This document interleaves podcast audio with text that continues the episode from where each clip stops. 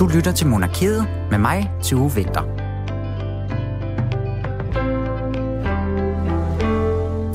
I denne uge i monarkiet, der skal vi et rigtig godt stykke tilbage i historien. Vi skal helt tilbage til år 1353, og der skal vi nørde rigtig godt igennem, fordi at vi skal tale om en af de største skikkelser i Danmarks historie, der blev født det år. Og så skal vi prøve at lære den person meget bedre at kende, vil jeg sige. På fredag, der udkommer nemlig en ny bog om Margrethe den Første, og det er en god anledning til at prøve at blive lidt klogere på den her kvinde, der selv tog magten og samlede Norden i en tid, hvor at øh, kvinder måske mest af alt øh, var ment som fødemaskiner. Men jeg får besøg af bogens forfatter, Anne-Lise Marstrand Jørgensen, øh, og hende skal vi møde lidt senere. Men altså, mit navn, det er Tue Vinter, og du lytter til Monarkiet. I dag er en meget spændende dag, så jeg er sikker på, at de kan forstå, at jeg er en lille smule nervøs.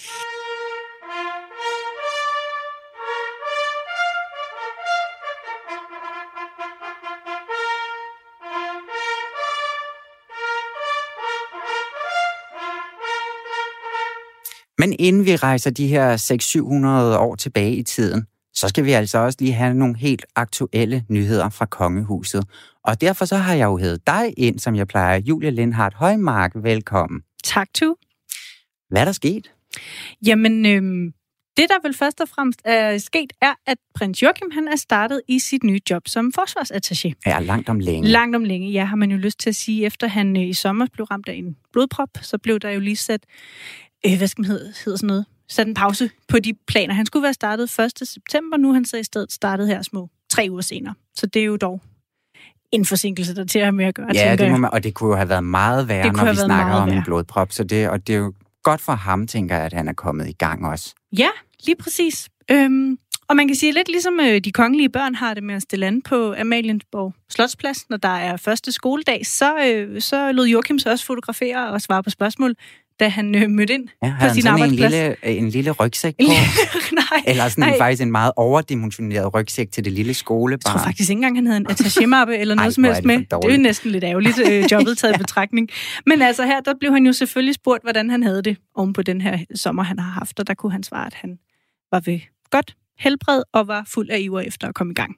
Fedt. Ja, og det er han jo så kommet nu. Øh, og hvis man lige sådan skal sige to ord om, hvad det er, han skal lave, så har vi jo blandt andet i et af vores tidligere programmer her i Monarkiet talt om netop, hvad det vil sige at være forsvarsattaché, mm. men i sådan helt korte vendinger, så er det jo noget med at være i Forsvarsministeriet og Forsvarets forlængede arm.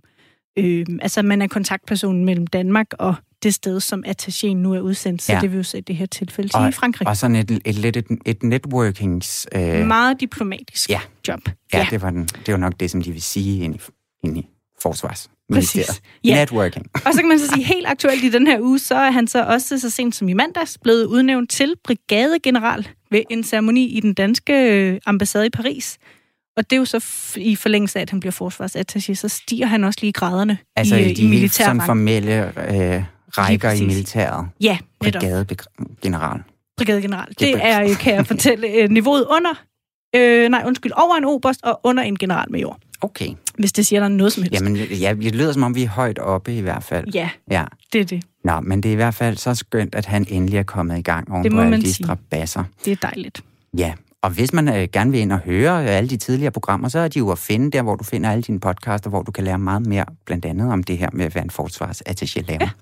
Men Julie, ja. tak fordi, at du lige var med. Jamen selv Har tak. du øh, mere at komme med? Ikke i den omgang. Nej. Jeg øh, tror nok, jeg vender stærkt tilbage senere ja, i programmet. Ja, du gør så. Du kommer til quiz, og der skal vi faktisk også snakke om, at øh, Marie, hun også er kommet i arbejde igen. Jamen, så kan man jo begynde at sidde og forberede sig lidt derude. Ja, præcis. Tak, tak skal du have, Julie.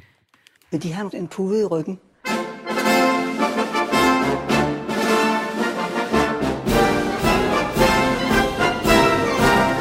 De vil, så har jeg sagtens lånt dem en pude. Oh, det vil jeg vældig gerne have. Øh, sådan er blevet. Hvor er mine møbler blevet? Nej. Jeg men tror, lad os bare sige, det er meget nødt at sidde på en pude. Hvis Jamen, det er bestemt ikke Og det er til ryggen, vi jeg tænker. simpelthen for... Over, tusind tak. Jeg synes, det kunne, jeg kunne se, at de følte dem lidt langt tilbage. Det er rigtigt nok, øh, men jeg troede, jeg skulle sidde på en pude. Det nej, nej, nej, nej, nej, nej, nej,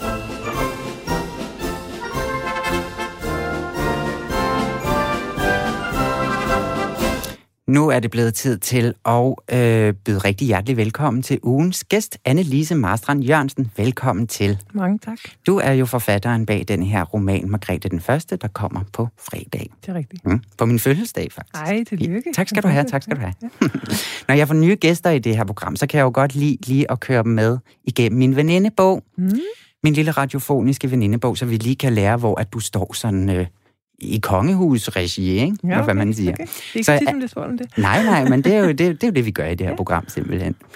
Så allerførst så vil jeg spørge dig, er du royalist eller er du republikaner? Jeg er ikke rigtig royalist. Det nej. må jeg nok med skam melde. Øh, men det betyder ikke, at jeg ikke godt kan lide vores kongehus, for det kan jeg faktisk godt. Altså personerne synes jeg er sympatiske, men selve konstruktionen synes jeg er sådan mærkelig gammeldags. Ja, Jamen ved du hvad, det du er bestemt ikke den første, der, øh, der har sagt. Nej. Det er en meget sådan øh, common øh, opfattelse, tror ja. jeg. Men øh, ja. Men så vil jeg spørge dig, hvilket medlem af det danske kongehus er du mest fascineret af? Og det må også gerne være døde. Uh, må det være døde? Mm. Altså, hvornår, hvor, hvor langt tilbage skal man for ikke længere være medlem af det danske kongehus? Ja, hvad, hvad går vi tilbage til? Jeg kan jo ikke sige Margrethe den første. Nej. det må du gerne. Jeg havde lidt frygt, at du ville svare hende på alle mine spørgsmål. Ja, nej, men nu, nu lader jeg hende ligge et lille øjeblik. Og så siger jeg, at jeg nok i virkeligheden er mest fascineret af vores nuværende dronning, Margrethe ja. den anden. Hvordan kan det være? Jeg synes, hun er ret sej. Altså, hun er jo going strong, kan man sige, gennem mange år. Ja, det må man øhm, for. Er jo, hun er jo sådan indbegrebet af et dannet menneske, og, og hun har sådan en øh, sympatisk udstråling, synes jeg. Så jeg synes, hun er en, en ret stærk øh, figur i vores kongehus. Ja. Fedt. Hvilket medlem af kongehuset vil du helst strande på en øde ø med? Oh. det er jo også vanskeligt. Jamen, det skal jo helst være en, der er lidt fit, og måske ligesom kan bygge en tømmerflåde. Det må, det må jo nok være, være kronprins. Ja, det... Altså, det vil jeg sige. Det vil være godt med. ja, men ham, altså igen... Jeg vil gerne væk derfra også, mener jeg. Altså, jeg tror, det er meget hyggeligt nogle dage med kronprins Det tror jeg for det første en, også, der. Jeg tror, han er en godt selskab, og så, så lige før han kan svømme og væk på sin ryg, tror jeg. Ja, må ikke. Jo. Det tror jeg ikke skulle være noget problem Nej. i hvert fald. Hvis du nu var regent, hvad ville du så helst huskes for?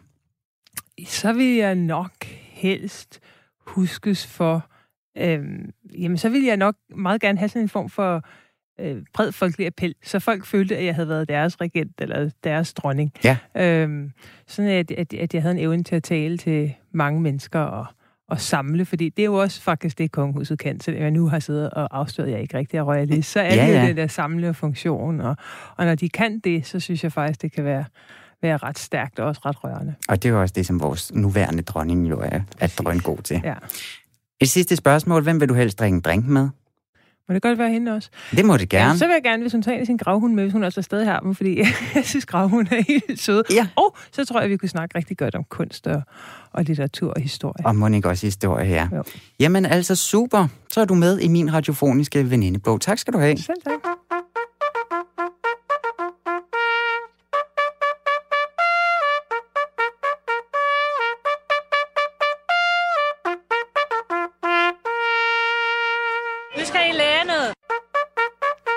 Ja, fordi nu kan vi ikke danse mere om den varme grød. Lad os se og dykke ned i hende her. Margrethe den Første. Ja. Det er jo, altså, hvor skal man starte? Hvem, hvem er hun? Hvem er Margrethe den Første? Margrethe den Første, hun blev født i 1353, mm. øh, og hun er Valdemar Atterdags yngste datter, så hun bliver født ind i sådan et magtfuldt kongehus i en tid, hvor der er rigtig meget gang i den i Danmarks historien. Øh, da Valdemar Atterdag kommer til magten, så er Danmark så lille, så det faktisk kun er det nordlige Jylland, han regerer over.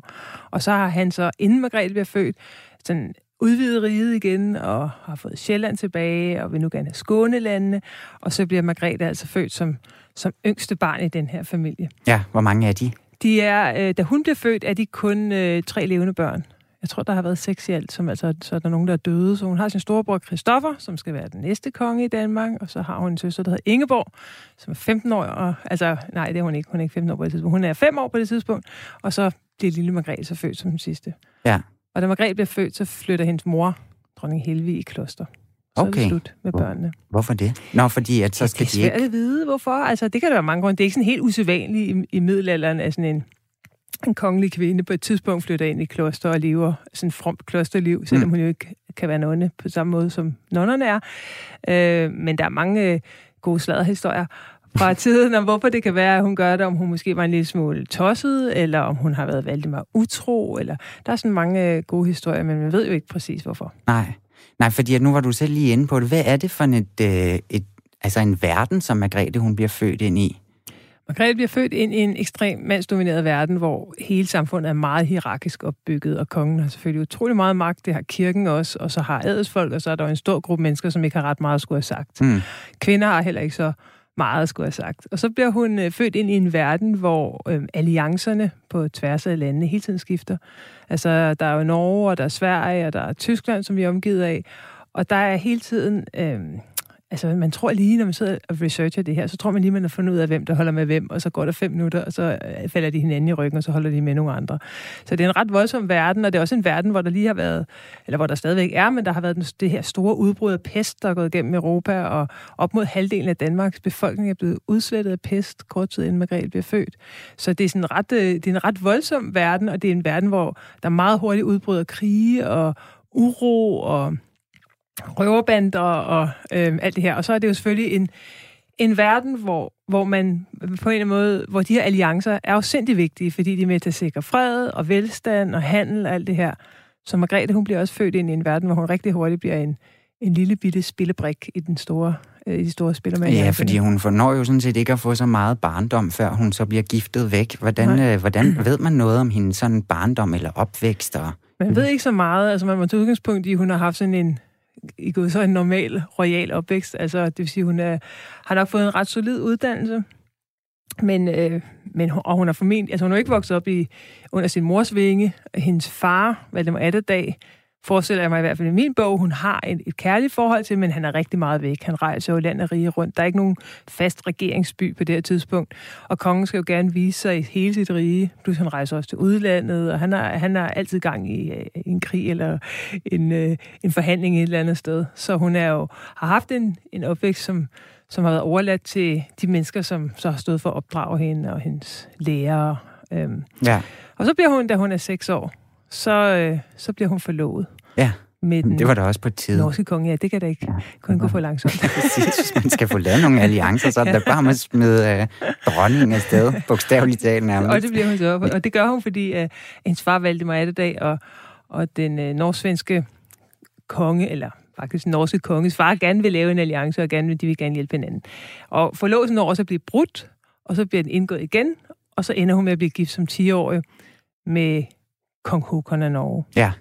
Hvordan, hvordan er deres forhold, øh, altså kongerne imellem i Norden bare? Altså i ja, det er et godt spørgsmål. Altså, det, det er, de er også meget skiftende. Altså, på det tidspunkt, hvor forlovelsen bliver indgået, der er, det jo, der er de jo fine venner, ikke? Jo. Og så i et mellemliggende år, så, bliver, så rager de uvenner, eller rager de uklar med hinanden, og går i krig mod hinanden, og allierer sig med forskellige mennesker mod hinanden, og så bliver de venner igen. Og, altså, det, man skal, man skal ikke det lyder tænke... lidt som noget, man leger. Ja, det lyder altså... som noget, man leger, og man skal ikke forestille sig, som du ved, at de sidder og spiser en, en god frokost og, og, og hyggesnakker. Altså det her, det er også det business, ikke? Fordi det handler om, om landenes sikkerhed, og det handler om, hvad kan man drage mest fordel af. Øh, så det er virkelig den form for, for venskab, som er udgangspunkt for det her ægte, ægteskab endelig kommer i stand. Ja. Øhm, og så er der i, i Sverige, der er også der er hele tiden ballade på det her tidspunkt. Øhm, så det er, det, det er et uroligt Norden, ja. hvor alliancerne skifter hurtigt. Men som bliver... stadigvæk sådan er nabolande og, og måske holder en lidt sammen alligevel, eller ja, prøver på det? Eller? det er sådan lidt op og ned, vil jeg sige. Altså, det kan man ikke helt regne med. Altså, Norge og Danmark, de holder sådan rimelig godt sammen, og nu bliver Margrethe jo så gift ind i det norske kongehus. Det hjælper lidt på sagen. Men, øh, men, men den norske konges bror, han sidder på et tidspunkt som konge i Sverige, og har taget magten fra sin far. Og, altså, altså det, det, er, det er virkelig råd. Plus, de er faktisk også i familie. Altså, så sidder der en Mecklenburger nede fra det nordlige Tyskland ja. som konge i Sverige på et tidspunkt, som også er i familie med den norske konge. Og sådan. Altså, det, det er meget indviklet og meget kompliceret og, og meget, øh, meget svært at gennemskue, faktisk. Ja. Ja, alle de år. Ja, ja. Så det, så det kan man godt bruge lidt tid på at sidde og, og, og, og, ja, helt vildt. Han kører altså. igennem. Og så er der også kvinderne, øh, som for eksempel Margrethe, der så bliver øh, sat ind i spillet som som en eller anden form for fredskaber jo også, fordi det ligger jo i alliancen, at så er man med til at bilægge stridigheder, men også med en meget klar livsopgave, at hun selvfølgelig udover at skal være hustru og holde øh, hus og sådan noget, så skal hun jo levere en, en arving til den norske konge. Ja, fordi at, hvordan er det her forhold mellem Håkon og Margrethe?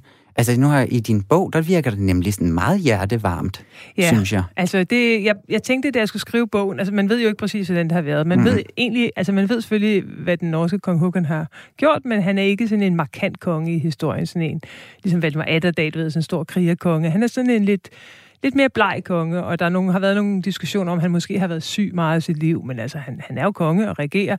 Øhm, og Margrethe er jo kun 10 år, han er en voksen mand, hun ja. bliver sendt derop, og der er jo ikke nogen grund til at tro, at de, som har fuldbyrdet ægteskabet så tidligt, det var alligevel, det var alligevel overstregen, ikke? Så, så det var ventet, så jeg forestiller mig, men så, at, at, at der har været en eller anden god... Øhm, en god venlig stemning imellem dem. Der er ikke nogen grund til at tro, at han har været ond eller grov ved hende overhovedet. Det er der ikke nogen som helst beretning om. Og hvor skulle han også have været det? Altså, jeg forestiller mig i min bog, at han har været venlig og taget godt imod hende, men jeg også betragtet hende som det, hun er, nemlig en lille pige. Ja, Ja, så. og også, altså hun kommer jo derop sådan nogle år efter, de er blevet gift. Der ja. går lige nogle år, hvor hun stadig er hjemme, ikke? men jo. stadigvæk er en lille ung Hun er jo stadig en lille pige, og ja. hun er sendt hjemmefra og helt alene i verden. Ikke? Så. Jo, men hvordan er det så? Hvordan begynder hun så at, at, at interessere sig for det her politiske øh, værk og, og verdensorden måske? Hvor kommer det fra? Altså, jeg tænker, altså der, hvor man ved, hun ligesom første gang, man hører noget fra hende, altså et, et dokument, det er et brev, hun skriver til sin mand, da hun er 17 år og højgravid med, med sin søn,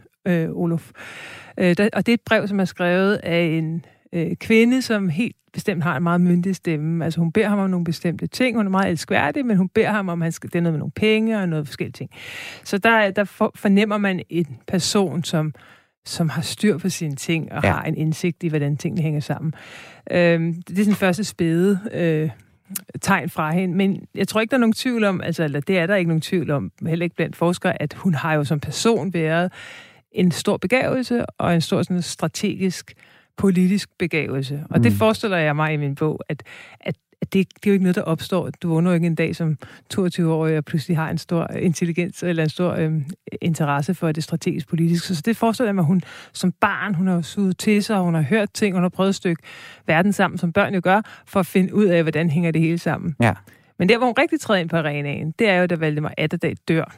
Ja, fordi hvad sker der der? Jamen, der er hun en ganske ung kvinde på, øh, hun er i begyndelsen af 20'erne. Hendes lille Olof er fem år, eller knap fem år, og, øh, og så er det egentlig meningen, altså Valdemar har lavet en, en aftale med nogle Mecklenburger om, at der er en lille øh, Mecklenburger, hans andet barnbarn, som hedder Albrecht, øh, han skal blive den næste danske konge. Fordi det er sådan i, i Danmark, at, at konge, altså det skal, man skal vælge kongen. Det, man arver ikke bare automatisk den ene eller den anden. Og i mellemtiden, nævnte jeg jo før, at, øh, at Margrethe har en storebror, Christoffer, men han er død da Margrethe var lille, så man er nødt til at gå et led længere ud for at finde en konge. Valdemar har altså aftalt, at lille Albrecht skal sidde på tronen, og det skal han, fordi Valdemar havde brug for at, at lave den aftale som et led i en anden fredsalliance. Det synes Margrethe er en rigtig skidt idé. Hun rejser til Danmark, hun har sin lille søn med, og så øh, mødes hun med rigsrådet ved sin fars dødsleje formentlig på Gure Slot i Nordsjælland. Øhm, og der Hvorfor det bliver sådan, det er jo svært at sige, men det er i hvert fald sådan, at de her rigsråd, de her mænd, de bakker op om, at det skal være Olof, der bliver den næste konge. Så de bakker op om Margrethe, for de bakker også om, at Margrethe skal træde ind i en formynderregering. Ja. Det er lille Albrechts familie selvfølgelig ikke helt vilde med, så, øh, så de, de gør, hvad de kan for at, øh, at positionere ham. Han er jo også blevet importeret til det danske hof øh, en, som, som en dreng, øh, for at blive opdraget der, så han kan blive en god dansk konge. Øh, men Margrethe, hun, øh, hun kæmper altså for, at det skal være Olof, der bliver konge, og Rigsrådet arbejder så også for det, og sender mænd rundt i riget for at samle opbakning, og imens rasler de med sablerne nede i Mecklenburg, hvor det er krig, i krig mod Danmark, men det ender altså med, at det er Olof, der bliver valgt som konge i en alder af fem år. Ja, og, der er og det er jo svært at styre som en femårig. Og så er det, så der, hvor hun sidder bag kulissen og ja. trækker i alle trådene. Ja. Vi bliver også nødt til lige at, øh, at lige nå forbi den her Kalmar-union, ja, fordi at, øh, hvad er det, det går ud på? Jamen det er jo sådan, at da Margrethe, eller da lille Olof bliver dansk konge, så har hun jo en, øh, en idé om, at, at jeg ved ikke, hun har idé om at regere på hans vegne, men så langsomt så vokser den tanke til at omfatte hele Norden. Han ja. bliver jo med tiden også konge i Norge, fordi han er sin fars søn, og så får Margrethe den her idé om, at man skal regere alle tre riger under et. Og det lykkes, men i mellemtiden dør Olof. Det er meget tragisk, øh, og Margrethe mister al magt i og for sig, men får den rigtig hurtigt tilbage i egen ret. Men så er hun nødt til at importere en arving. Det gør hun, adopterer en søn, som så bliver konge i Pommern, og så bliver Danmark så samlet i Kalmarunionen, hvor alle de nordiske riger bliver samlet. Ja, det er også en lille dreng, det er også som hun, dreng, ja. hun også må styre bagved. Ja. Ja, det var sådan lige en meget hurtig gennemgang Det det, af, hvordan ja. hun kom ind på øh, arenaen og så videre. Men hun, og så, altså, hun er jo også på vej ned igennem Tyskland, øhm, da hun så dør i 1412. Ja, Og ligesom, øh, ja, ja. Der er hun så faktisk, det er jo egentlig Danmark, fordi det er Flensborg Fjord, og det har de kæmpet om på det tidspunkt. ja, Og hun har fået Flensborg tilbage på danske hænder, og så dør hun så på et skib i Flensborg Fjord. Ja.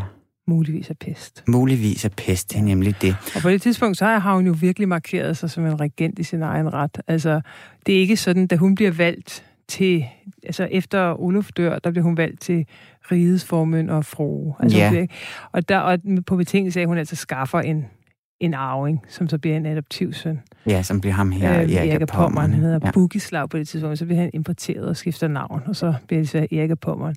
Øh, men hun bliver ikke valgt, fordi der ikke... Altså, det er ikke fantasiløshed, der gør, at man vælger hende. Det er heller ikke, fordi man tror, man får marionetregent. Altså, det- hun bliver valgt, fordi hun har vist, at hun er helt vildt hun dygtig. er crazy dygtig, og det ja. Ja. synes jeg, vi skal snakke lidt videre om lige om et øjeblik. Papa, man siger, at den man elsker, tugter man. Vi tvivlede aldrig på din kærlighed. Ja, fordi at nu skal vi nemlig lige... at Vi bliver nødt til også lige at hilse lidt på Margrethe, på en måde. Fordi at nu sagde vi, at hun døde 1412. Og øh, her på Monarkiet, der har vi jo en rigtig dygtig reporter, som hedder Tanja øh, Togbro. Og hende har jeg sendt ned i Roskilde Domkirke, fordi at der ligger Margrethe begravet. Og her der øh, mødtes hun med David Højer, som er formidlingsansvarlig i øh, Domkirken. Så skal vi ikke lige høre, hvad Tanja har snakket med ham om, hvis jeg ellers kan finde klippet. Det ligger der.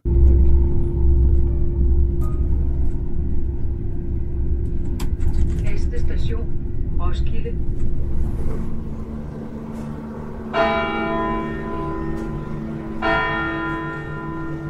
David med efternavnet Højer. Du Ja. er formidlingsansvarlig Yes. hos øh, Roskilde Domkirke. Du har lovet at øh, fortælle mig lidt om øh, Margrethe den Første, eller Yes. nærmere bestemt hendes øh, begravelse. Ja, Så øh, skal vi øh, gå ind og finde hende? det synes jeg, vi skal gøre. Godt nok flot. Ja, det, øh, den, den tager lidt pusten fra en, øh, når man kommer. Der, men der er mange, der i virkeligheden bliver mere overrasket, når de træder ind i kirken, fordi den, er så, den rummer så mange øh, forskellige udsmykninger. Nu går vi op i koret her, og vi går faktisk øh, om bag alderet, og det er Margrethe Første, som vi står herved. Vi står foran hendes sarkofag. Den er godt nok flot. Den er Og meget, meget flot. stor. og meget stor. Og som jeg siger, så ligger hun sådan lidt bag alderet, backstage, kunne man næsten sige. Lidt gemt. Det var slet ikke meningen i middelalderen. Der ville hun, hun har ikke flyttet sig, men koret har ændret sig. Men i middelalderen havde, hvis man var kommet herop, og det ville vi ikke som almindelige mennesker få lov til, men vi havde været kanikere, var gået herop, så havde hun været midt i koret, omgivet af de her tjenester, hvor der blev sunget og afholdt gudstjenester. Og hun ligger altså helt centralt midt i koret. Altså, den er større, end jeg havde regnet med. Man kan jo ikke, jeg kan jo ikke se hen over den, og jeg har været 71. Eller sådan. Ja, ja, ja, jeg, jeg er en øh, 80, jeg kan heller kigge hen over den. Og hvis man lige sådan kort beskriver, så kan man sige, at hun ligger på sådan en sarkofag af sort øh, øh, marmor, og så øh, under øh, hendes gravfigur, der løber der et bånd med en latinsk inskription, som er øh, kongen Erik af Pommerns mindetekst om hende. Og så er hele sarkofagen øh, nedenunder omgivet af to øh, rækker oven på hinanden af, af kirkefigurer. En lang række helgener og øh, øh, personer fra, fra kirkens historie. Altså ikke øh, øh, domkirken her, men altså den kristne kirke. Og så er der en mængde af sådan noget øh, gotisk arkitektur, der også pryder den her øh, øh sarkofag rundt om. Gravfiguren ovenpå, øh, hvis vi vender tilbage til den, jamen der har vi hende jo liggende. Hun ligger jo med øh, hen, foldede hænder øh, hen over øh, øh, brystet, og med lukkede øjne, øh, med hovedet på en pude. Kigger vi på hendes kjole, så er den jo så den ser nærmest ud, som hun har fået rigtig meget stivelse. Den er jo ikke faldet ned, som man ville gøre, hvis man lå ned. Hendes fødder står nærmest også på sådan en, en konsol, som det hedder. En, øh, og der er sådan en gotisk vælvet himmel hen over hendes hoved. Så i virkeligheden, hvis vi tog hendes figur og satte den op på muren, så ville man i virkeligheden også kunne sige, at der står hun jo. Ja, det ligner hun altså som li- ligger oprejst, kan man sige det? Ja, hun ligger og står i en og samme figur, og det er der en helt særlig grund til, og det er, i, det er noget, der er meget moderne på det her tidspunkt, sådan en, en dobbelthed i, i, i monumentet. Det, det virkelig skal fortælle os, det er lidt det samme, der ligger i de ord, som vi i dag bruger, når vi ud, udråber øh, en ny regent efter øh, kongens død. Kongen er død, kongen længe leve. Og det er virkelig det, det er. Margrethe, hun er død, monarkiet består. Og det var altså, hun ligger på den vigtigste plads. Man kan næsten ikke ligge mere vigtigt, hun gør. Men altså, det, er jo ikke, det var jo ikke her, hun først blev begravet. Nej, det var det ikke. Altså, øh, hun bliver jo øh, gravlagt i Sorø Klosterkirke efter hendes død i 1412. Og det er en, øh, en, en gravlæggelse, vi er ret sikre på, at hun faktisk selv har ønsket. Da hun selv kom til magten, fik hun flyttet sin far, Valdemar Atterdag, der var blevet begravet i, øh, i øh, Vordingborg, fik hun ham flyttet til Sorø, og på samme måde fik hun sin mor flyttet, der var blevet begravet i Esrum Klosters Klosterkirke, og de skulle nemlig samles samme sted, hvor hendes morfar, Christoffer den anden, var begravet. Og så kan man tænke, at det er måske en eller anden praktisk foranstaltning, så er der kun et sted at tage hen. Men det er nu ikke det, det handler om. Det handler om, at hun, hun havde jo ikke rigtig krav på, på tronen. Hun var jo ikke et formelt dronning. Men ved ligesom at knytte sin slægt, Valdemar, Valdemar og sin mor, ned til bedstefaren, så får man ligesom også knyttet hendes egen magt til sin far, til sin bedstefar. Det er lyder lidt kompliceret, men det handler virkelig om, at Valdemar Atterdag, han jo blev konge på et tidspunkt, hvor vi i en årrække i Danmark i 1330'erne har været uden konge. Christoffer den anden, hendes morfar, er den sidste konge. Og hvis der ligesom skal bygges en bro til den historie med Christoffer den anden, og legitimere Valdemar Atterdags at han tager magten i Danmark og smider de holstenske grever, som, har, som sidder på magten i Danmark, smider dem ud, jamen så skal hans lig, hans begravelse knyttes til, til morfaren. Så på den måde, så knytter hun sin slægt til Valdemar, er det da hendes far, hendes begravelse, som så bliver knyttet til morfaren. Og på den måde, så, så er det, handler det i bund og grund om legitimitet, retten til at regere. Og alt det her skulle gøres for, at hendes nye dynasti kunne sige at være den retmæssige arving til magten. Men det var jo ikke sådan, øh, kan man sige, at andre ville det efter hendes død. Fordi der sker jo det, at biskoppen i Roskilde, hendes gode ven og øh, rådgiver, Peder Jensen Lodehat, som han hedder, han med stor sandsynlighed øh, med støtte fra øh, kongen på det tidspunkt, Erik af Pommern, forflyttede Margrethes lig fra Sorø til Roskilde Domkirke. Og det er en meget vigtig symbolsk handling, fordi Erik af Pommern han har brug for ligesom også at få cementeret sin ret til tronen. Som man jo mange gange har sagt eller udtalt, han fik ride Danmark, Norge, Sverige øh, fra sin mor, Margrethe. Det var jo kun hans fostermor, ikke? Men han har simpelthen brug for at rive hende fri alt det med Valdemar Atterdag og Christoffer den anden, og ligesom få hende etableret som udgangspunktet for sin magtovertagelse. Og det skal ske under pragtfulde rammer, og der står Roskilde Domkirke altså som en helt central kirke, og som ikke må glemmes, at en af de absolut vigtigste kirker i Danmark på det her tidspunkt er Roskilde Domkirke. Men hvad, øh, altså fordi at den historie, som der bliver fortalt om det her med, at hun blev flyttet, det er, bliver jo fremlagt lidt som sådan en røverhistorie. Som et tyveri? Ja.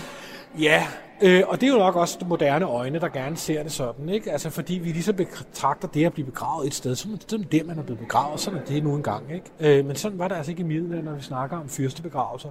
Lige så vel som at, at børn kunne være en, øh, en handelsvare, når man skulle indgå alliancer, og man kunne få dem gift ind i forskellige familier, der var vigtige for ens, øh, hvad kan man sige, mål. Øh, så var det altså også vigtigt, hvor man fik begravet folk. Det var også en vare, så at sige. Man kunne begunstige kirker, man synes godt om, øh, ved simpelthen at blive begravet, øh, de enkelte personer der. Og så kan man jo øvrigt sige, at øh, man for, øh, for, for små 50 år siden, der øh, ville man faktisk prøve at finde ud af, om hun faktisk lå derinde. Man havde, øh, man havde hørt fra en kirketjener, at han havde undersøgt sarkofagen. Det er sådan, at man kan faktisk sætte de der figurer af. Og tager man de figurer af, så er der et hul bag dem til at holde figuren på plads.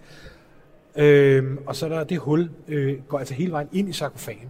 Og der havde der altså været en kirketjener, der på et tidspunkt prøvede at stikke en pind ind det er ikke noget, vi normalt gør. Vi går ikke rundt og tager figurerne af. Øh, det er ikke sådan, at man bare lige kan tage dem af. Det er Lego-klodser. Men altså prøvede at sætte en pind ind, og du kunne altså ikke ligesom finde noget derinde. Ikke? Og så kom der ligesom den historie, hun lå der nok ikke. Men øh, så, det kunne man jo ikke have siddende på Så, Så i, i 49, der gjorde man simpelthen det, øh, folk fra Nationalmuseet, de øh, tog i det, man kalder en kirurgisk kikkert, Altså det, man bruger simpelthen til at se ind i folk med. Og så stak den ind i hullet. Der kunne de altså konstatere, at der lå, at der var altså en, en, en, en, en kiste derinde, en, en, en blykiste derinde. Ikke? Så, hun, så hun må ligge derinde, så at sige.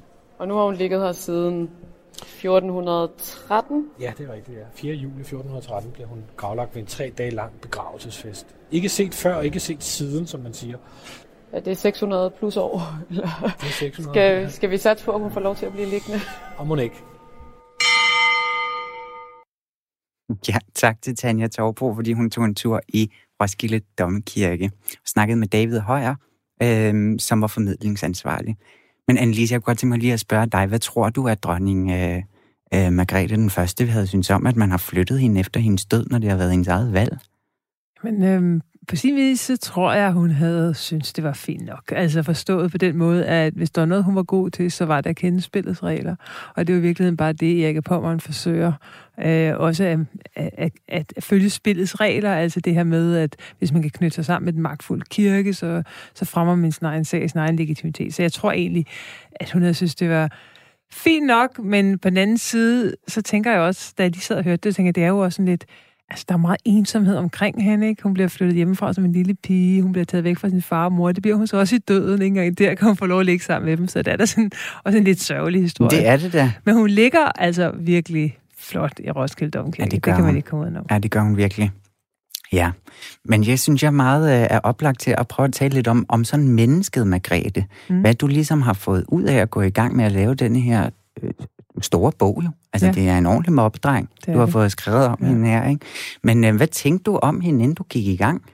Jamen, i virkeligheden, for at jeg skal kunne skrive en roman på 600 sider, så skal der jo være et eller andet menneskeligt vedkommende for mig, udover at det er en vildt spændende historie og en spændende tid, og middelalderen er jo altid interessant, og, og, og hele den her magtdynamik og politik er virkelig spændende. Så skal der være et eller andet menneskeligt interessant. Og i begyndelsen der, jeg prøvede, at to flere tilløb til at gå i gang med den her roman. Jeg kunne ikke rigtig komme i gang.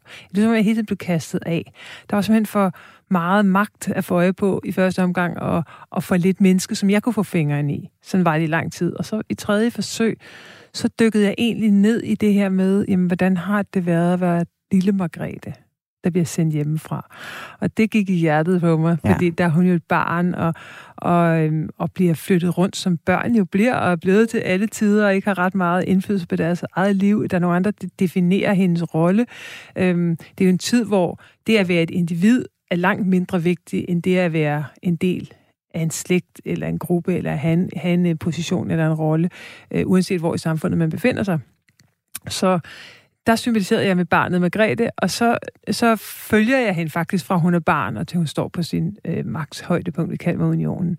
Øhm, et nysgerrigt barn, et, et meget begavet barn, og et rimelig følsomt barn, men ikke så følsomt, at hun bliver knækket af den ret hårde øh, opvækst, hun har, fordi hendes opvæksthistorie er jo også en fortælling om at være...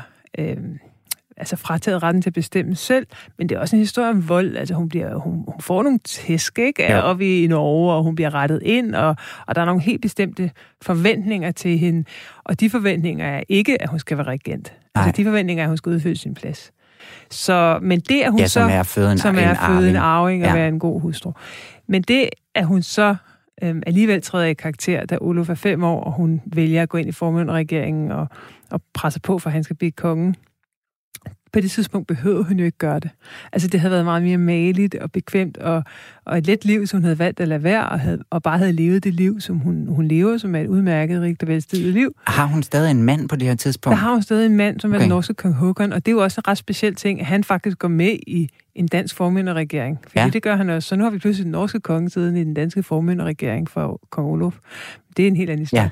Ja. Men i hvert fald, øh, så det, at hun gør det, det vidner jo om, at hun, hun har været drevet. Altså hun har simpelthen følt sig, tror jeg, kaldet til at gøre det. Og det har hun gjort, fordi at hun har været så godt begavet, at hun hele tiden har følt, at hun har været to skridt foran mange andre. Ja, men hun har vel set sit snit? Hun har Altså, set hun har set snit, sine men hun har også set sit talent. Altså, ja. Jeg tror også, hun har tænkt, det, det kan jeg, det, den her opgave kan jeg godt løfte, fordi lynhurtigt får hun, får hun jo også nogle... Altså, hun er jo ikke... Hun er jo ikke øh, altså, hun har en stor betydning for min regeringen. Altså, hun, leder, hun er jo med til at lede den regering. Og da Håkon dør, der er lille Olof 10 år, der øh, kommer hun også i den norske formænderregering for ham, og, og hun ender med at tage sig af norsk udenrigspolitik. Og, altså, så, hun, så hun er ikke bare den der blege skygge, der lige er i nærheden af magten. Altså hun tager magten, og de folk omkring hende lader hende gøre det. Og det tænker jeg, at det gør de kun, fordi de kan se, at hun er dygtig. Og jeg forestiller ja. mig, at hun er sådan en person, hvis man sidder i en, en diskussion med hende, en debat om et eller andet, så opdager man for sent, at hun hele tiden har været tre skridt foran, og ja. så hænger man på den. ja, fordi at jeg har nemlig sådan et blik på hende, som er meget, ja, stramt, ja. må jeg sige det. Ja, altså, ja. hun ved, hvad hun vil, og jeg tror, ja. at hun har været svær nemlig at løbe ja. om hjørner med. Og... Det tror jeg også, hun har. Ja. Og hun er, og har også den der øh, øh hvad det, fugleflugtslinje foran sig hele tiden. Hun ved også, hvor hun vil hen. Og ret tydeligt tror jeg også, hun finder ud af, at hele det her med Kalmarunion, det handler ikke kun for hendes vedkommende om magt og at rave magt til sig og være øh, agerig. Jeg mm. tror simpelthen, det handler om, at hun kan se for sig, at det bliver et mere fredeligt og stabilt rige også. Og det er ikke for at gøre hende til en helgen, eller fordi der er, der er mange kameler at sluge i den her ja. øh, opstigen til magten.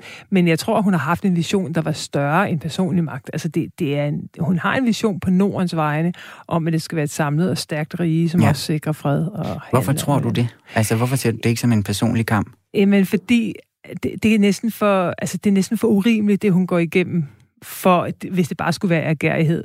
Og hun er jo ikke, altså hun, hun, hun er jo en forhandlingsdrøn regent. Altså, hvor Valdemar og mange andre konger, de er meget ude i, altså, i at føre krig. Hun fører også nogle krige, det er ikke nær det. Mm. Men, øh, men hun er primært den der, der trækker i tråden og forhandler, sidder på forhandlingsbordet og laver strategier. Øhm, og, og resultatet er jo, altså hvis du kan regere et rige, uden at være i krig med hinanden hele tiden, så står du jo stærkere. Ja. Både i forhold til omverdenen, men også i forhold til, til velstand og øhm, hvad hedder det, handel og alle de her ting, som gør, at et land er bedre og tryggere at bo i. Så det tror jeg simpelthen har været hendes hensigt, fordi hvis det var ren magt, det synes jeg alligevel er for utroligt. Mm, ja. Men hun er også, altså det er rigtigt, som hun siger, hun er bestemt, og der er sådan noget lidt stramt meget enrådet over hende, meget viljestærk. Øhm, og derfor var det også vidunderligt for mig at begynde med at skrive hende som, frem som barnet. Ja. Og også, jeg har også en person i bogen, som er ren fiktion, som er hendes øh, tjenestepige, eller måske en ren fiktion, det ved jeg jo ikke, øh, Kerstin, som følger hende hele tiden. Fordi hun er det menneske, som hele tiden er tæt på Margrethe, og ser hende tæt på, som også ser der, hvor, hvor hun ikke er alt det, som vi kender hende fra, men ja. hvor hun også er sårbar og urimelig og ked af det og har svært ved at styre sit temperament. Ja, fordi hvor tæt, hvor tæt ligger din bog sådan op af virkeligheden? Altså alt det historiske, hele rammen omkring det, begivenhederne, skildring af miljøet, der har jeg forsøgt at gøre det så troværdigt, som det overhovedet har været mig muligt med den hjælp, jeg også har, måttet støtte mig op af, fordi det var, det var en svær opgave. Ja. Så, så, så man læser ikke noget, der, håber jeg, er forkert øh, på den måde. Så det er, det, det er den troværdige ramme og historiens gang, den kan man stole på. Det, som selvfølgelig er, har været mit, det er jo at gøre hende til et menneske af kød og blod, fordi der jo ikke er den slags kilder, som man ville ønske, der var. Nej, øh, fordi hvor meget kildemateriale er der? Der er meget kildemateriale i form af dokumenter, brev, altså, men det er jo ikke personlige brev, det er jo ikke der, hvor hun sidder og... For, Margrethe har ikke skrevet dagbog over sit indre liv, så det, så det, er jo, det er jo noget, hvor jeg har været nødt til at arbejde med med de øh, ting, hun har gjort, og så sige, okay, hvad kunne være en sandsynlig, et sandsynligt bud på den her kvinde? Hvordan kunne det være? Ja, fordi at den stramme opvækst, hun har haft for eksempel, altså det kan jo måske, siger jeg, at det kan enten sådan knække en, eller virkelig gøre en øh, øh, hår i filten, ikke? Præcis. Jo, og det er jo, det, det er jo også en historie om. Det er jo også en historie om det, der binder os sammen på tværs af tider. Altså vores fælles menneskelighed, det her med, det er jo det samme nu som til alle tider, mm. at, at børnene lider eller øh, blomstrer under deres forældres beslutninger. Øh, at det, det miljø, man vokser op i, påvirker en. Og nogle mennesker næsten magisk er i stand til at rejse sig og gøre noget på trods, men også have det med sig, også have det sønderknuste med sig, dybt begravet indeni, ja. og det har hun jo også. Øh, så det er jo det er der, hvor hun også bliver bare et almindeligt menneske, altså med en almindelig psykologi og et almindeligt følelsesliv, ligesom alle vi andre har. Ja, hvordan har det været at lære hende at kende? Det har været fantastisk. Ja. Altså, nu er vi jo blevet rigtig fine venner, Margrethe ja. og jeg. Efter jeg havde svært ved at trænge ind for livet af hende. Men det var også... Sådan er det tit med gode venner, synes så, jeg. Ikke? Dem ja, skal man lige tage i runde to skal, eller tre. Ja, man skal lige gå lidt og se hinanden lidt an. Uh, min fordel var så, at vi, vi, jo, vi jo begyndte i barndom, og når vi har en lang historie helt tilbage til hendes barndom, så er det lettere at, at blive ved med at holde et menneske. Altså, når man... Og det, gæld, det er jo også sådan, at det er også en virkelig person, og hvis man har en, en dyb forståelse for, hvad det er, folk er rundet af, så er man måske bedre i stand til at se facetterne i de sider, som er, er, er svære at have med at gøre. Ja. Hvis, øh, eller mens hun regerede, eller var, for, prøv lige at komme med hendes øh, titel igen. Ja, nu kan jeg ikke engang huske det. Riges det... formøn og fru husbund til... Nej, jeg kan ikke huske jo, det tror jeg var rigtigt, at Danmark, Norge og Sverige... Ja, ja, ja, ja, det vil sige formøn og fru. Fordi ja. at imens hun regerede, der var hun jo nemlig ikke kendt som Margrethe den Første. Øhm, men hvordan var sådan omverdens syn på hende? Altså, så man hende som en regent? Ja, på den måde. altså det er der ingen tvivl om, at man har gjort i de nordiske lande, og så har man jo, er man jo også blevet nødt til at gøre det ud af det. Men der er, der er også sådan en vis forbløffelse. Altså første gang, hun skal henvende sig til Hansestederne, som er sådan et nordisk handelsforbund, som spiller en stor rolle, der, de har lidt, altså hvor er det en kvinde? Altså hvor, ja. altså, hvor er den rigtige konge? Eller hvor, hvorfor er det hende, der henvender sig? Hun bliver også spottet, øh, kaldt bukseløs som det skulle være en fornærmelse, men det var det jo så dengang. Og, og der er også historier om, at den svenske kong Albrecht sender hende sådan nogle hus, øh, husholdningsredskaber for at spotte hende og for at nedgøre ja. hende og sådan noget. Det kunne man godt forestille sig, eller det forestiller jeg mig, at hun har slået ret hårdt ned på, ja, hvis man eller også hun måske hende. bare sådan ting. Jamen, altså, hun har, hun, det, sådan er det jo selvfølgelig, hver gang folk tager noget magt eller stiller sig frem, så, så og sådan har det jo også været i middelalderen, så, ja. så for, kommer der også noget modstand.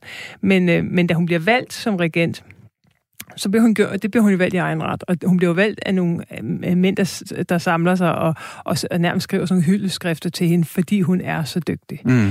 Øhm, så der har man jo, man har jo set, man har valgt hende, fordi at hun var den bedst mulige kandidat, og det er jo egentlig ret sejt. Altså, ja. det var både sejt af hende, men det er også meget godt set, ikke? Altså, når man kan, hvis der ikke rigtig er nogen duelige mænd, så lad os tage den bedste og lave en konstruktion. Men i den konstruktion, hvor hun jo ganske vel skal skaffe en arving, og det bliver Erik Pommern og alt det her, der er det jo øh, også skrevet ned, at hun skal regere indtil hun dør. Mm. Så hun skal ikke bare regere indtil han bliver myndig, og så skal han overtage. Altså hun skal regere altså, indtil har hun, hun fået dør. det ordentligt ja. ind. Hvordan, hvornår kommer det ind, det her med, at hun bliver Margrethe den første? Er det, når vi får Margrethe den anden? Ja, eller? det tror jeg ja. faktisk. Altså jeg tror, hun er blevet kaldt dronning Margrethe og dronning Margrethe den før. Altså, ja. Men, øh, men øh, Margrethe, vores nuværende regent, hun giver hende jo noget... Øh, noget oprejsning ved at kalde sig selv for den anden. Ja, det giver noget pondus, mm. og det, altså, det er måske også ligesom, øh, ja, Margrethe den anden i en eller anden form for, at i, i hende i en tradition, ikke? Jo, og det er Men, egentlig meget flot. At, tror du, det er sådan et, et feministisk projekt? Kan man kalde Margrethe den første for en feminist? Altså, det tror jeg ikke. det tror jeg kun, hun have grinet af. øh, men det er mest, fordi feminismen ikke rigtig øh, overhovedet. Ikke altså, jeg tror bare, de ville have synes, det var, det var vildt mærkeligt. Ja. Øhm, men er det en kvindekamp så? Det har man vel måske altid lidt gjort. Ja, det har man jo gjort det til, men det tror jeg mere handler om eftertidens blik på hende. Altså, hvordan ser man... Fordi hun er jo blevet trukket frem af kvinder igennem tiden også, fordi man gerne vil have nogle... Øh, og med rette blikket falder på, på nogen, som ikke altid er de store mænd, men også kvinderne. Hmm. Men når det så er sagt, så vil jeg sige, så er det jo vildt mærkeligt, at hun ikke har fået mere plads i fortællingerne, i de almindelige fortællinger, fordi hun er nok vores største regent. Ja. Og det er hun jo selv, om hun er kvinde, eller øh, på trods af, at hun er kvinde, hvis man ser det ud fra den tid. Så hvorfor det egentlig skulle være et specielt feministisk projekt at portrættere vores største regent, fordi hun er kvinde, det siger måske egentlig mere om vores tid. At vi synes, det er at, at det, at, at man skriver, at, at det at skrive, ja. at, det, at det er en vinkel, som er feministisk. Øhm, I virkeligheden er det jo bare altså, vanvittigt interessant, og så fortjener hun da noget genoprejsning. Ja. Lige her til allersidst, hvad, hvad er det, vi kan lære af hende her, Margrethe, i dag? Hvad kan vi lære af hende i dag? Altså, jeg synes, det vi kan lære af hende i dag, det er jo virkeligheden på det her psykologiske, øh, følelsesmæssige niveau. Det er jo altid historien, den der... Øh, hvad skal sige, dannelseshistorie med et menneske, der rejser sig, men også ikke bare rejser sig, så går sejrig og lyserødt gennem verden, det er ikke det, men, men rejser sig og på en eller anden måde formår at integrere nogle skyggesider i sig selv, og så har en mission i verden, og egentlig også øhm, har både et, et fokus, men også nogle gange er nødt til at ofre ret meget for at udrette det, hun vil. Og det synes jeg er inspirerende og foruroligende på samme tid. Ja, hvor er det bare interessant. Men vi har ikke så meget mere tid, fordi at vi skal jo også lige have en lille quiz i dag, ja, som vi også plejer her i, uh, i programmet. Det skal du slet ikke være bange okay. for. Men tusind tak, fordi at du lige vil tage os med igennem uh, Margrethe den Første, både historisk og som menneske. Tak. tak. Så gælder det om at vise, hvor dygtige I kan blive.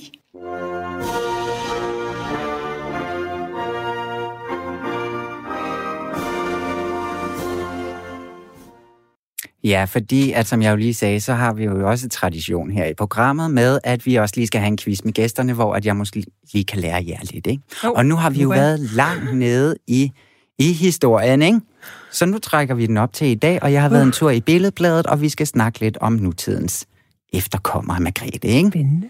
Og Julie, du er tilbage i studiet. Jeg tænder lige for din mikrofon, så kan vi også tak. høre, hvad du siger. Fordi du får jo en udfordrer her, øh, Lille, ikke? Okay. I Ja. Julie. Hun er ikke særlig god, hun lader altid gassen væk. Præcis, ikke bedre end Det er mig. det sikkert. Er I klar? Fordi at, som vi jo var inde på til en start, så Joachim og Marie, de er tilbage i øh, Paris. Og Marie, hun har også været på arbejde. Hun har nemlig åbnet en udstilling af danske guldlærermalerier. Ifølge Billedbladet, så var det ekstra store forventninger til hende på den her opgave. Hvorfor var der det? Mm-hmm. Var det fordi, at der var krav om mundbind på museet, og det er hendes første officielle opgave med mundbind, og det skal man altså lige vende sig til, skriver Billedbladet? Eller var det fordi, at det var første gang, at den franskfødte prinsesse er på en officiel opgave i Paris? Eller fordi det er bare hendes første officielle opgave efter hendes lange, lange pause? Skal, jeg tror, skal man bare svare, eller hvad? Ja, endelig fyr løs. Altså, jeg tror, det er mundbindet. Ja. Ja. Det tænker jeg. Du tror, det er mundbindet? Ja. Julie? Synes, det, Jeg tænker, at det er nummer tre. At det, øh, jeg tror, hun har haft andre opgaver i Paris, men ikke det er fordi, efter Joachim har været øh, syg, og det hele er Men taget lidt Julie, så har du fået et jeg- point. Nej, hvor godt. Jeg behøver slet ikke sige det igen. Jeg synes, er så svært med de mundbind. Altså, kun mig. Ja, men ved du hvad, hun synes også, det var svært, Marie, okay. Fordi at hun siger nemlig også i et, et interview, at jeg smiler faktisk nu, det er ærgerligt, I ikke kan se det. Nå, det er. Ja. Så hun var, øh, så, øh, ja, hun var ikke glad for de mundbind. Næste spørgsmål. Flot, Julie. Tak. yes. Hubertusjagten er aflyst i år. Ja. Det har den ikke været siden 2. verdenskrig, og det er en tradition for kongefamilien, der tager ud og følger det her hesteløb fra Eremitageslottet. Den Hubertusjagt, vi kender i dag, den er indført i 1905, men hvorfor hedder det en Hubertusjagt? Er det jagtens skytsingel, der hedder Hubertus? Er det den greve, der indførte jagten i 1905, der hedder Hubertus? Eller er det den første vinderhest, der hedder Hubertus? Ej, jeg tror, det er skødsenglen. Gør du det? Ja. Ja. Øh, jeg kunne måske godt tænke mig, at det var hesten, faktisk. Øh, Krikken Jamen, jeg Hubertus. kunne altså også godt tænke mig at få han hest, der hed Hubertus. ja, det er da Så det var derfor, jeg fandt på det. Julia, desværre, fordi at det var altså skytsenglen, der hedder Hubertus, Ej, så nu jeg står den fået 1-1. Hvor er det flot. Ja. Nu skal vi til kronprinsen. Han er protektor for Red Barnet, og han var til deres 75-års jubilæumskonference.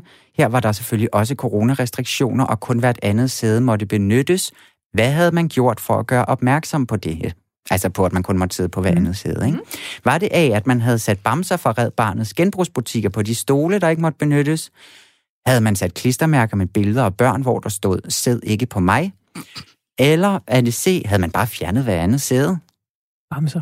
Ja, den, men den har jeg altså også. Vi må godt sige det samme. Det må vi I ikke gerne, selvfølgelig må I det. Jo, jeg, jeg går også med bamser. I kører begge med bamserne, og det er helt rigtigt. Ej, Så der er nogle meget det fine billeder, hvor at kronprinsen sidder ved siden af sådan to teddybjørne. Det er meget sødt. Ja, men altså, det ligner også på billederne, man bare kunne have flyttet stolene. Så, altså, men det, det så rigtig sødt Det ud. havde ikke givet lige så gode billeder. Nej, det synes jeg altså. Nej. Det så meget fint ud. Vi skal også lige forbi prinsesse Benedikte. Hun synes, det er svært, at hun ikke må give hånd for tiden, øh, for som hun siger i et interview til Billedbladet, så har hun altid mødt mennesker med et godt håndtryk. Men hvad er så hendes foretrukne coronahilsen? Er det A, vinker hun? B, sætter hun håndfladerne sammen foran brystet på sådan en, øh, altså sådan en japansk, asiatisk inspireret måde? Nu står vi alle og gør det. Ja. Eller som en engel, er det jo også ja. Ja. lidt. Eller er det øh, den med albuen? Altså en duk med albuen. Mm. Ej, jeg tror ikke, det er albuen alligevel. Det kan det godt være. Ej, jeg tror, det er der jeg, asiatiske. Jeg tror, hun er blevet lidt zen-inspireret. Ja. ja. Hvad siger du, Julie? I, ja, åh, det er et godt spørgsmål. Jeg er jo faktisk lidt begejstret for den der albu. Jeg synes, den, er, den, den er kan et eller dig. andet. Ja, jeg, jeg har jeg en idé om, den den skal, vi, øh, den skal vi holde fast i. Øhm, men jeg tror måske, en, en kongelig vil hellere vinke. Der er også noget kongeligt over det. Det var flot, Annelise. Du har simpelthen Ej. fået et point mere, fordi hun laver lige sådan et fint buk med hænderne samlet foran Det er brystet. meget flot. Okay. Sidste spørgsmål. Du er foran nu. Ej, det er simpelthen utroligt. Kronprinsen har haft, nej undskyld, kronprinsessen har haft sin dressurdebut ved et stævne i Frederiksværk. Hun endte som øh, nummer 4 i MB0-klassen, som jeg ikke helt ved, hvad er. Men ud af 16 ryttere. Alle deltagere fik en gave. Hvad fik man? Fik man en stor soft ice? Fik man en nøglering med en hestesko? Eller fik man en stor gul spand? Hvorfor en stor gul spand? Til at prøve Ja. hesten til at bære sin ting. Jeg tror, man fik en spand til et eller andet sit hestegrej. Nej, eller en nøglering, det ved jeg ikke. For spændingens skyld, så siger jeg i hvert fald nøglering. Så siger jeg spand. Spand er rigtigt. Du har totalt vundet quizzen Jeg er- igen. jeg er hestepige. Jamen, jeg er castet som den evige taber. Så, Ja, det var ja, derfor, du var med. præcis. Desværre, Julie, for heller det. ikke den her uge. Men du bliver ved med at give os gæster, fordi at du vandt altså Ja, igen. det føles utroligt dejligt at vinde. Ja. Nå, Det, det er meningen med det hele jo. Det er godt. Tusind tak, fordi du ville komme, Anne-Lise Marstrand. Jørgensen. Det var bare så spændende at have besøg Tak. af dig. Og din bog, Margrethe, den første, udkommer på fredag den 25. september. Det var en fornøjelse. Vi er ved at være færdige for i dag, men vi er tilbage igen i næste uge kl. 12.10 på onsdag her på Radio 4. Og husk nu, at I altid må skrive til os på monarkiets radio4.dk. Så bliver vi så glade for post. Mange tak for i dag. Programmet var produceret af Rakkerpak Productions.